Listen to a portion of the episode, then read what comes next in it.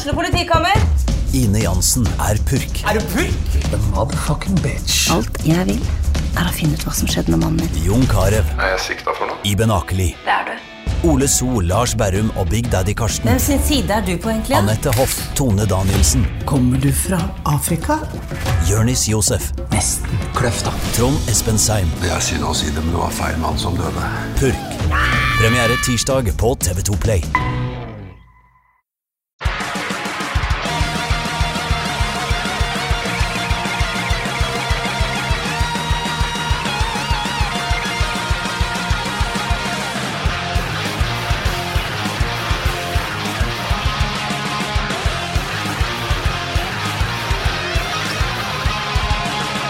Hei, og velkommen til Debrif med Sørås. Uh, det her er vel episode fire, men jeg tror jeg kommer til å jeg tror jeg kommer til å skippe den, den opptellinga der i, uh, i fremtida. Det er egentlig ikke relevant hvilken episode det er.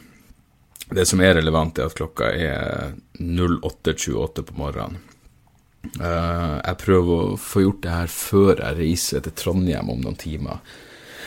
Jeg og eh, Gunnar Tjomli skal gjøre en live-episode av eh, Dialogisk på et eller annet litteraturhus i Trondheim.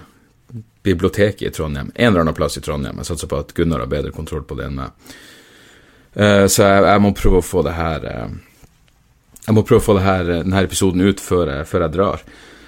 Eh, Det er bestandig interessant for meg å være i Trondheim. Det er liksom Jeg bodde der i eh, hva faen var det jeg bodde der? da?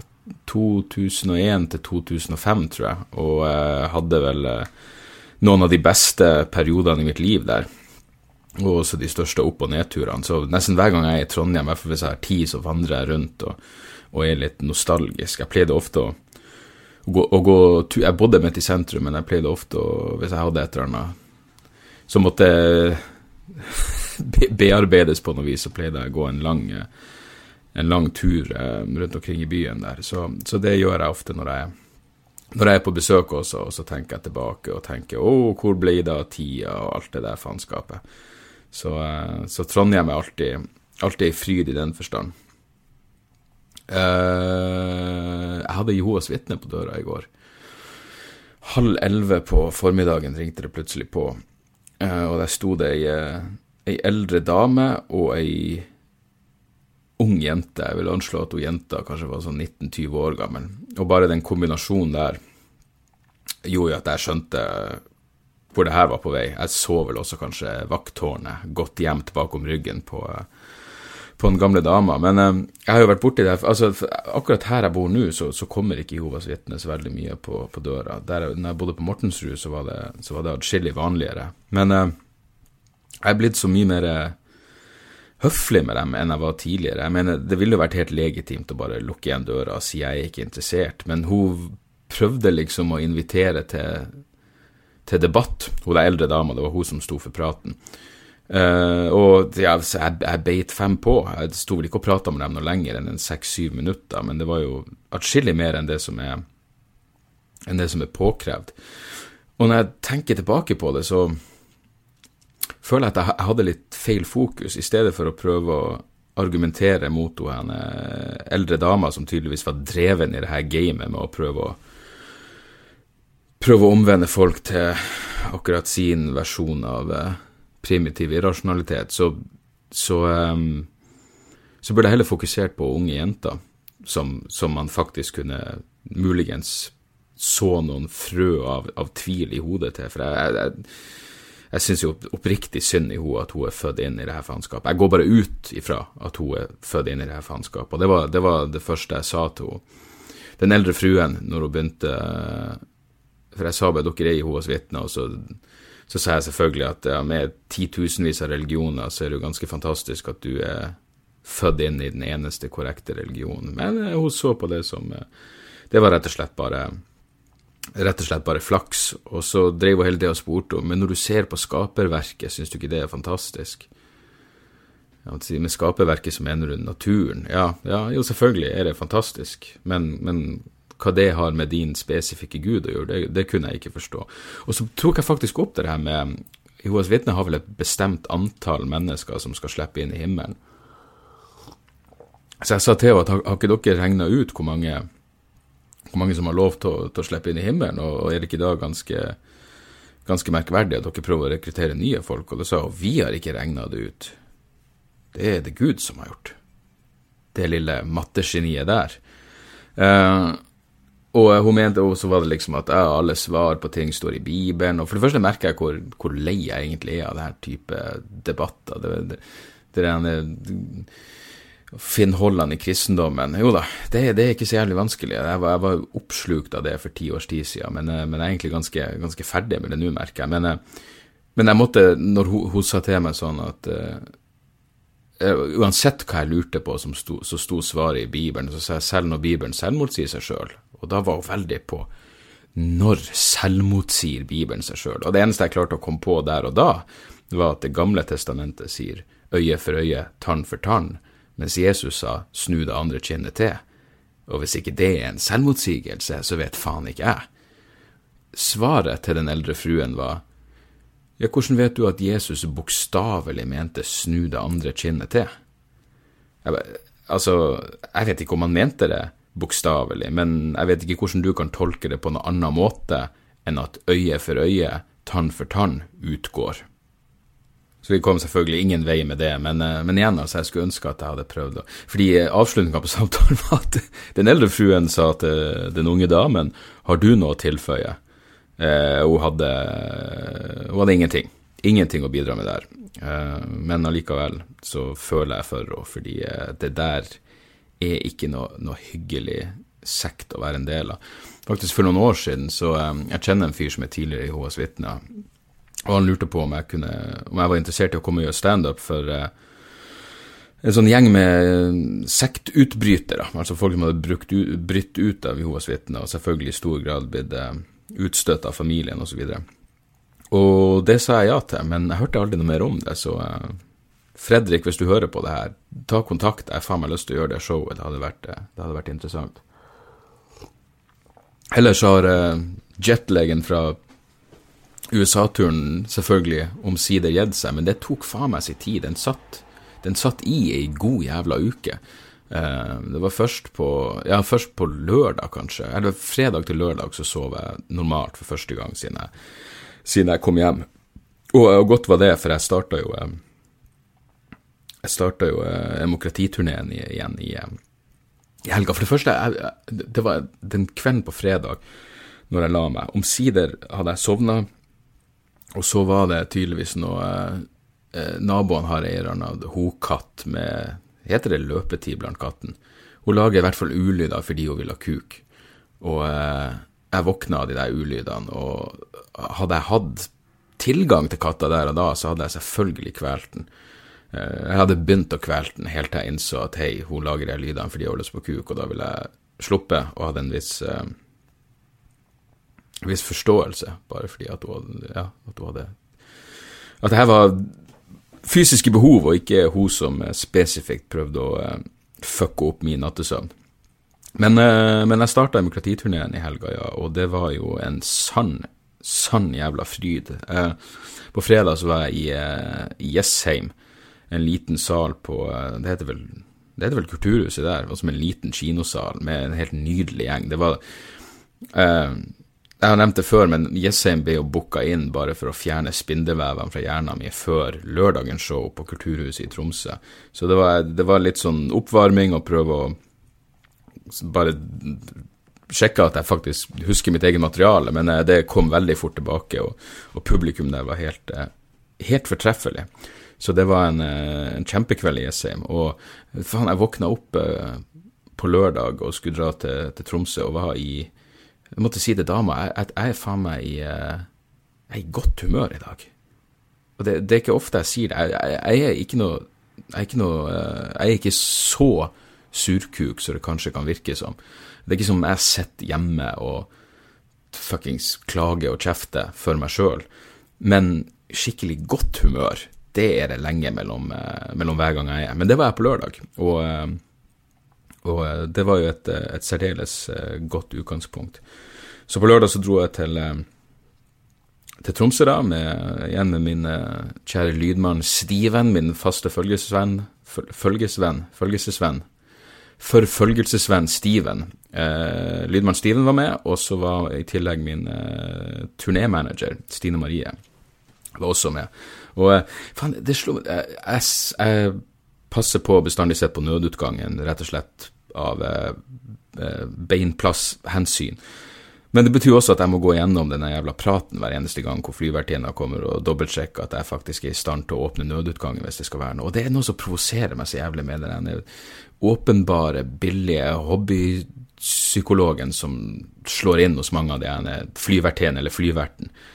For det, jeg hater når de bare er stille og stirrer på meg. Og jeg var 100% edru og relativt våken, så av og til kan jeg skjønne at de er i tvil om jeg vil være i stand til å åpne den jævla nødutgangen. Men, men jeg har altså, liksom sittet sittet ved siden av folk jeg, jeg husker jeg fløy alene av en eller annen natur hvor det var et gammelt ektepar ved siden av meg. Og, eh, og de prata engelsk i tillegg, så, så flyvertinna prøvde å forklare at hei, hvis det skjer noe, så må dere lukke opp, og gamle gubben sa at han sa noe sånn som at han trodde det skulle gå greit, men uansett så hadde de jo en ung mann sittende ved siden av seg, og jeg måtte si jeg er full. Det, det her er ditt jævla ansvar å, å fikse. Uh, Nå uh, Jeg røpa jo min promille da på norsk, så han skjønte jo ikke en dritt. Så uh, han var ikke unødvendig stressa på den turen. Men det er et eller annet med det. Jeg, jeg, jeg, er såpass fysisk oppegående at jeg skal klare å åpne den jævla døra. Du trenger ikke å drive og stirre på meg og, og gjøre meg mer selvbevisst enn jeg allerede er tidlig en lørdagsmorgen. Uh, så ja, vi dro, til, vi dro til Tromsø. Det her var vel ja, faen, jeg har vel uh, Stokmarknes neste lørdag, men det her var det nest siste showet i, i Nord-Norge på denne turneen. Og når jeg har vært i Troms og Finnmark, så har jeg jo prata litt om denne eh, sammenslåinga av, av, fylkene. Og jeg må si engasjementet for det er atskillig mer merkbart i Finnmark. Jeg mener, i, i, i, i Tromsø så er det jo nærmest apati i forhold til hele den sammenslåinga, mens, mens deler av Finnmark åpenbart bryr seg. Er dere for å bli slått sammen med Finnmark? Jeg skjønner hvis dere gir faen. Jeg ville også gitt faen. Det eneste jeg ville hatt problem med, er ideen om å ha fylkeshovedstad i Vadsø. For det er jo eh, den mest deprimerende plassen i den vestlige verden, er det ikke det? Visste dere at Vadsø er den mest voldelige plassen i Norge sett i forhold til innbyggertallet? Vadsø er i tillegg den plassen som har hatt flest fremmedkrigere som har dratt til Syria. Og Det er jo logisk. Hvis du sitter i Vadsø og tenker det her er ikke voldelig og deprimerende nok, så er jo Syria det eneste logiske valget. Så jeg ser den. Det andre jeg så på Nordlys, var mann kjørte 27 meter i grøfta. Påsto at noen hadde hatt narkotika i øla hans. Vil du virkelig ha en narkodom i tillegg, din dumme faen? Du har jo fyllekjørt uansett! Pluss at hvis noen hadde hatt narkotika i øla di, så er du mest sannsynlig kommet deg trygt hjem. Men ja, showet i Tromsø var eh, helt fortreffelig. Det var fullt hus. og det, det, er en større sal enn de fleste salene jeg gjør. Det er plass til sånn 600-700. Så det er litt, eh, litt annen dynamikk i det. Men, eh, men igjen, publikum var, var, var, helt jævla nydelig, så jeg, jeg storkosa meg. Det var en, en, riktig så varm følelse. Etterpå så dro vi ut på Hildr tror jeg det heter. Hilder er en uh, liten pub i Tromsø som ligger sånn hva på å si, litt, litt, til venstre for sentrum. Uh, veldig rolig og laidback. Så vi satt der, og så Hvis vi ser på dass, så er det vel noen som Jeg husker ikke, jeg bare, fikk vel bare et bilde av det, men noen har tegna i tegninga det som visstnok skal være meg, og så står det bare 'Dag Sørås må dø'. Og som jeg skrev på Instagram, eh, hvor dere kan se denne tegninga hvis dere føler for det, Dag Soras på Instagram, uh, så hadde de tegna det som tydeligvis var meg, da, på et eller annet vis, med et helt en, Grunnen til at jeg bare stusser på om det var meg, det var et helt enormt lem, og uh, jeg vet ikke om jeg har fått støt i tillegg. Uh, så det, jeg, jeg, vet ikke helt hva Jeg begynte å bli paranoid for at det var tegna tegna den, den, kvelden. Og det kunne jeg ikke skjønne, for showet gikk jo fint. Så, så akkurat den oppfordringa til at uh, mitt liv på denne planeten må ende fortest mulig, uh, forblei litt, uh, litt, mystisk for meg. Så fremst det ikke var tegna for lenge siden. Da er det jo, eh, da er det jo fullt forståelig. Men eh, den kvelden gikk jo sånn som eh, sånn, sånne kvelder som ofte går, og eh, var vel på ca. tre timer søvn. Våkna opp, vi hadde ganske relativt tidlig fly tilbake til Oslo. Um, men det slo meg når vi, vi satt der, det var, det var hyggelig reisefølge. og Uh, og, og, Stine Marie og Steven og jeg, vi, vi, vi, var alle så bakfulle og hadde så tynnslitte nerver at det er akkurat så, Jeg, jeg syns nesten samtaler blir enda finere da. Det er noe med å være være skikkelig bakfull som bare gjør med at, at, at man har mer Jeg vet da faen, kanskje man er mindre selvbevisst, kanskje man bare gir mer faen, men uh, vi hadde en, en Jeg mener, jeg har bestandig fine prater med dem, men uh, det, det, det, føltes, uh, det, føltes, bra, og det Hyggelig reisefølge gjør selvfølgelig at en, en, en bakfull flytur, flytur går atskillig jævla lettere enn den gjør hvis jeg bare sitter alene og stirrer ut i det svarte tomrommet. Så er det også en sånn greie med at Nei, men jeg hadde jo gledd meg til til det der showet i god stund, så jeg, det er en del av meg som fortsatt er sånn at jeg blir litt deppa når det er over. Liksom, Jeg blir deppa etter ei bra helg. Det er, helt meningsløst, egentlig, men jeg bare tok meg sjøl i å sitte og være litt sånn, sånn, trist på søndag, og jeg tenkte faen, det der var, det var jævlig gøy, nå skal vi gjøre det der igjen. Det var akkurat jeg, jeg, jeg så en gang eh, et band som jeg var veldig stor fan av før, og som jeg nå ikke hører så veldig mye på, men de heter Machinehead. Det, det er sånne klipp av dem på YouTube hvor vokalisten Rob Flynn forklarer hvordan hans eh, ritual før han, hvordan ritual han har før han, han, går på scenen. Og da sier han at eh, han, pleier, han, pleier, å liksom, ta seg en drink, og så står han bakom sceneteppet og bare hører på publikum og prøver å ta inn øyeblikket fordi han innser at det her kommer ikke til å vare evig. Hvor mange, ganger, hvor mange ganger, flere ganger kommer han til å få oppleve det her? Og eh, Nå har ikke jeg noen planer om å gi meg med det første, men, men, jeg prøver litt å gjøre det samme og bare rett og slett ta inn øyeblikket litt. Og, eh, og, og, være litt til stede. For ofte så går ting bare jævlig fort, og det er på scenen, og det er av scenen, og det er på et nytt fly. Men av og til prøver jeg bare å være ikke minst takknemlig, men også ja, rett og slett bare ta inn over meg at hei, det her er faen meg ganske gøy mens det, mens det pågår. Og til helga så er, det jo, så er det jo på'n igjen. På fredag så er jeg på Terminalen i Ålesund, som er faen meg ei helt nydelig scene. På denne turneen så gjør jeg jo mye, mye kulturhus, men Terminalen er liksom et skikkelig rockelokale, herlig rockebule. Eh, jeg har stått der en gang før, og, og, det er liksom også en sånn plass Det som er kult med, med Terminalen, er at folk henger der etter showet. Det er ingen som henger igjen på et jævla kulturhus. Eh, baren er vel ofte stengt når showet er ferdig også, så, så, så terminalen jeg Terminalen og Ålesund ser jeg, ser jeg virkelig frem til. Og så er det Levanger dagen etterpå. Festiviteten, tror jeg, tror jeg det heter. Jeg vet jeg har vært der en gang før, og at jeg havna på et sånn potens, eh, potensielt Jeg havna vel rett og slett på et småkleint eh, nachspiel etterpå. Det, det, er ikke så ofte jeg gjør det. Mener, jeg er en eh, en gammel mann, og uh, som oftest er jeg i seng til ett. Uh, men, uh, men, ja, så, så Levanger også. Jeg, jeg, tror det er noe sånn Hvis jeg husker rett, så er det Norges eldste kino, den salen der. Så, så jeg håper folk, jeg håper folk møter, opp, møter, opp, der også. Men når jeg da har litt sånn nedpå humør, så jeg er jo ikke smart nok til å da å si innta oppløftende underholdning det jeg har sett på siden jeg, siden jeg, kom hjem, var jeg så uh, skal vi se, Det første jeg så, heter Inside the Criminal Mind, som er en sånn ny Netflix-serie. Uh, jeg har bare så langt sett episoden om seriemordere, men det, det er liksom en episode om seriemordere, en, en om sektledere, en om narkolangere og en om kidnappere, tror jeg. Men, men akkurat den episoden om seriemordere var interessant, for det var liksom alle de klassiske seriemorderne, godguttene, alles favoritter. Det var Ted Bundy, det var Jeffrey Dahmer, det var John Wayne Gacy. Og da var det Det som var interessant, var at det var en psykolog der som eh, sa at eh, denne myten om at seriemordere ofte torturerer dyr som barn, det er bare tøv.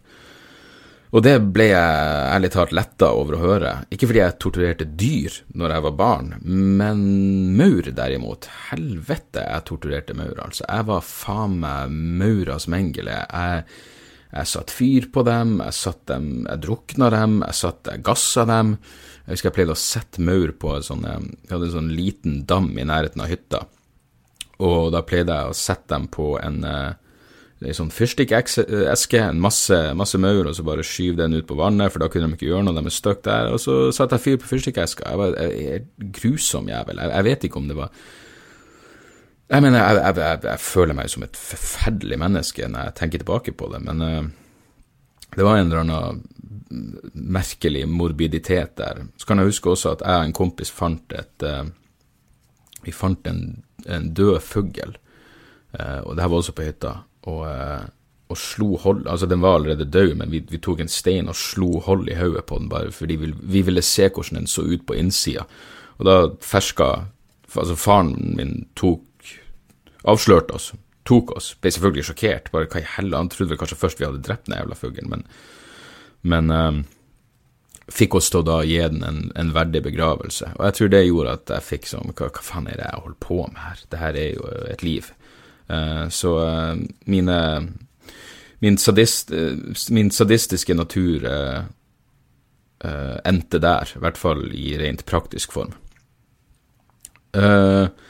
ja, så jeg så Inside the, Criminal Mind, og så hadde Stine Marie tipsa meg om en dokumentar som heter Mommy Dead and Dearest. Og med en så oppløftende tittel så måtte jeg se den nå. Den her ligger vel på HBO Nordic, og den handler om det som heter Munchhausen by proxy, som er når Eh, det er vel spesifikt foreldre som skader sine egne barn for å få, for å få sympati, som er bekmørkt nok i seg sjøl. Men eh, dokumentaren handler liksom om at eh, mora som da har drevet og, og Hva man kaller det?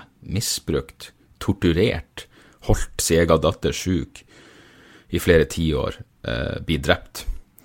Og så, eh, og så er det ja, så handler det om hvorfor det skjedde, i den grad det er et mysterium, og, og, og rettssak osv. Så, videre. så denne, denne, Begge er egentlig verdt å sjekke, og um, Men det, det, det, er jo ikke gode valg når man uh, Det er jo ikke de beste underholdningsvalgene når man har en, når man har en dårlig dag. Jeg burde kanskje heller sett noe humor.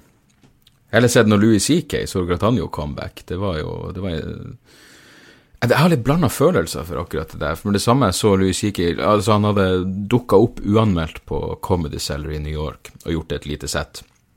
Visstnok uten å engang nevne det som har foregått det siste året, og det virker jo det virker jævlig rart. Det virker jævlig rart og jævlig nonsjalant å bare gå på scenen og late som ingenting. Og i starten så var jeg bare sånn Hei, det her er bra, det var bare et spørsmål om tid før han ble å dukke opp igjen, og det er ikke som om han var fuckings Harvey Weinstein. Det her, det, han var ikke en voldtektsmann, han var bare creepy og trist. Uh, og så leste jeg liksom noen av de ene For det var ganske mye mediegreier. Ikke noe opptak av, av settet men liksom klubbeieren måtte gå ut og forsvare seg, og så var det en del damer som klaga på at de følte seg utrygge, og det var og det var eh, giftig maskulinitet blant enkelte i publikum som sa det godt å ha det tilbake, Louie, og det gjorde at damen følte seg utrygg, og akkurat alt det der, jeg vet da faen, men samtidig så syns jeg det er et argument kanskje for at uh, en så polariserende figur ikke bare burde dukke opp uanmeldt. Jeg mener, jeg kan se det argumentet. Jeg har vært på Comedy Cellar, og det er jævlig lite. Det er som å være i stua til noen som har stor stue.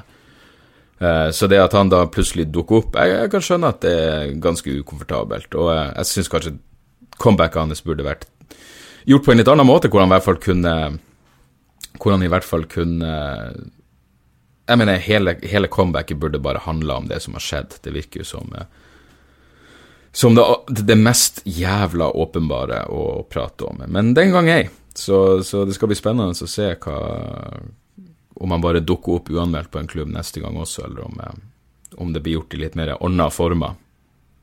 Akkurat det argumentet med at folk kan bare røyse seg og gå, det funker ikke helt i denne settinga. Jeg mener, jeg er en stor tilhenger av ideen at folk hvis, hvis du dukker opp på et standup-show og ikke har gjort forarbeidet ditt, så, så må du bare gå hvis du ikke liker det. Det er din egen feil. Men i dette tilfellet så var det ingen som visste at han, eh, han kom, og man vet vel ikke jeg husker ikke engang om man vet så veldig mye om lineupa på Comedy Cellar på, på, forhånd. Pluss at, som jeg nevnte i den episoden fra, fra LA, bare det å skal røyse seg og gå under et standup-show i et så lite rom, det er faen meg Det er ganske kleint. Jeg har fått økt forståelse for, for folk som bare føler seg fanga og bare blir sittende der. Fordi eh, det, det er ukomfortabel um, oppmerksomhet å tiltrekke seg å måtte røyse seg og gå.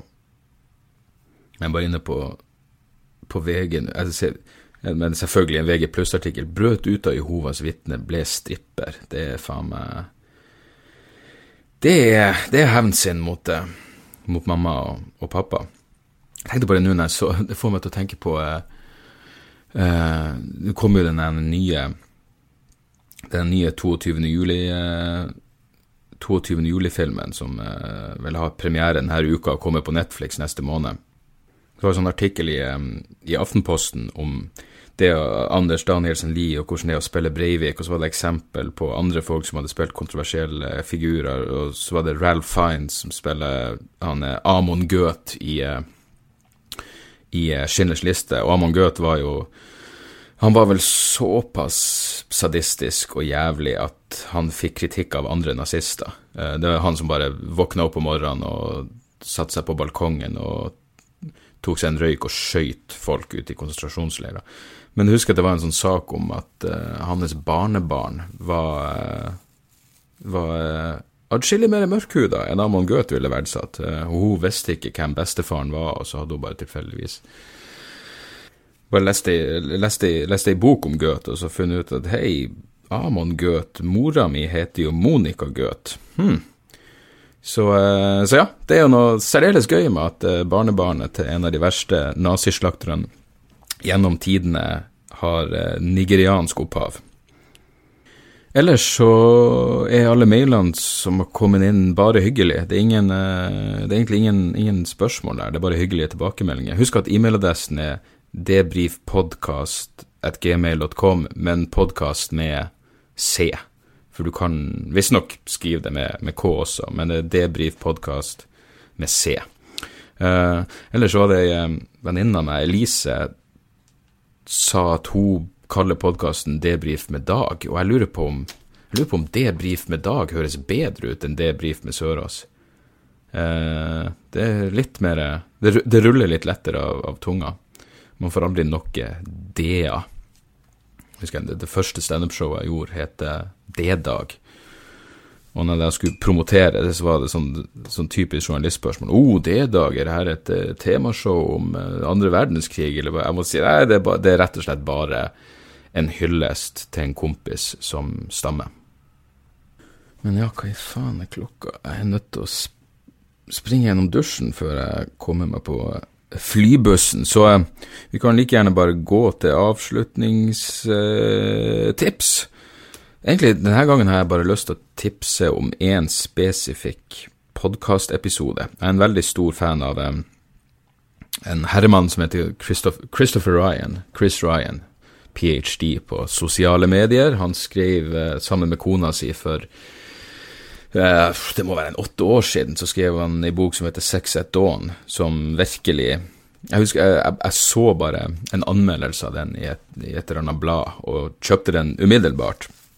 Og den boka argumenterer jo for at eh, monogami er langt fra så naturlig som mange skal ha det til, og at, eh, at det egentlig var jordbruksrevolusjon som som også revolusjonerte som også revolusjonerte sexlivet til mennesker. For frem til jordbruksrevolusjonen så levde, levde, folk i små grupper på kanskje sånn 50-100 stykker, og da var det vanlig at alle bare Visstnok var det vanlig at alle bare pulte alle, og at ingen engang visste hvem nødvendigvis hvem faren til unger var. Det var liksom en måte å sikre på at alle typene var snille med alle ungene, for du tenkte fuck, det der kan være min, eller det er mine øyne. Hæ? Eh, så, så, det er ei dypt, dypt fascinerende bok. Men han har en podkast som heter Tangently Speaking. Eh, og Chris Ryan er en, en, en klok mann. Eh, jævlig reflektert og åpensinna og så kul som det bare går an å, å håpe at noen skal være. Han begynner vel å bli relativt middelaldrende. Det er vel for så vidt jeg også. Jeg vet ikke helt hva definisjonen på middel... Burde ikke middelalderen bety halvveis i livet? I så fall så har vel jeg vært i middelalderen en del år allerede. Men poenget mitt er han har en podkastepisode av Tangently Speaking som kom ut Han har heller ikke nummererte episoder, men den kom ut 24. august, og den heter The Reverend Duncan Trussell, MD, ph.d. Uh, og det er hans samtale med den helt fortreffelige komikeren Duncan Trussell, som akkurat har mista faren sin. Duncan Trussell gjorde noe det, er egentlig den jeg burde tipse om. Duncan Trussell har sin egen podkast som heter The Duncan Trussell Family Hour. Um, og da mora hans døde, før hun døde, så gjorde han en podkastepisode med henne som er helt, helt fantastisk. Uh, den er helt der oppe med det beste som er gjort av podkaster. Um, fordi begge er innforstått med at det nærmer seg slutten for mora, og det å gjøre eh, et intervju med Han sier vel i denne, denne samtalen med Chris Ryan at han, han gjerne skulle gjort tilsvarende med faren sin, men at faren var en veldig privat person. Men i denne episoden så, så de prater om eh, De prater om, eh, om døden på en, på en, veldig fin og rolig og, og rasjonell måte.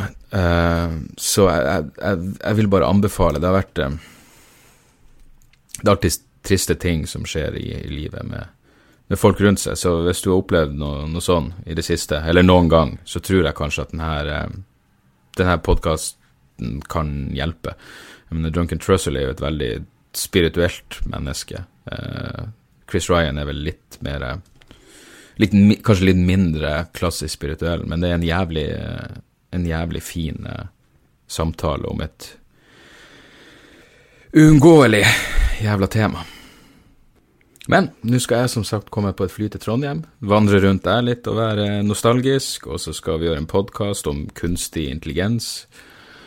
Og så, eh, så, ser jeg forhåpentligvis noen av dere i Ålesund og Levanger til helga, og uh, utenom det så setter jeg bare jævlig stor pris på at dere gidder å gi meg en halvtime av livet deres, nok en gang.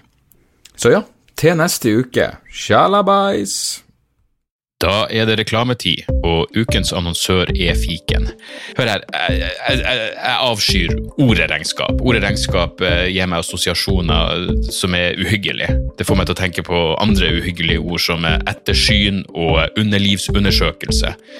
Men regnskap er et nødvendig onde, og fiken er et så enkelt regnskapsprogram at selv jeg kan klare å ha kontroll på finansene hvis jeg bruker det.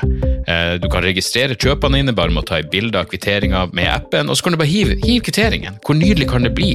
Og Fiken forholder seg også til regnskap med overkommelige ord. Det er ikke masse overkomplisert økonomisk terminologi. De kaller det kjøp og salg i stedet for hva enn de kaller det på BI.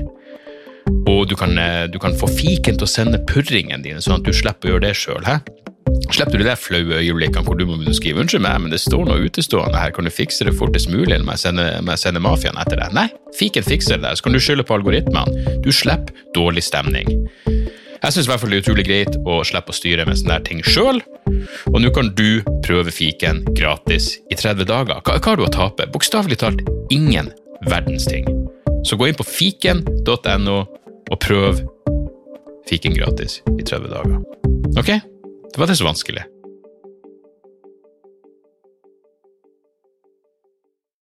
Har du et enkeltpersonforetak eller en liten bedrift? Da er du sikkert lei av å høre meg snakke om hvor enkelt det er med kvitteringer og bilag i fiken, så vi eh, gir oss her, vi. Fordi vi liker enkelt. Fiken superenkelt regnskap.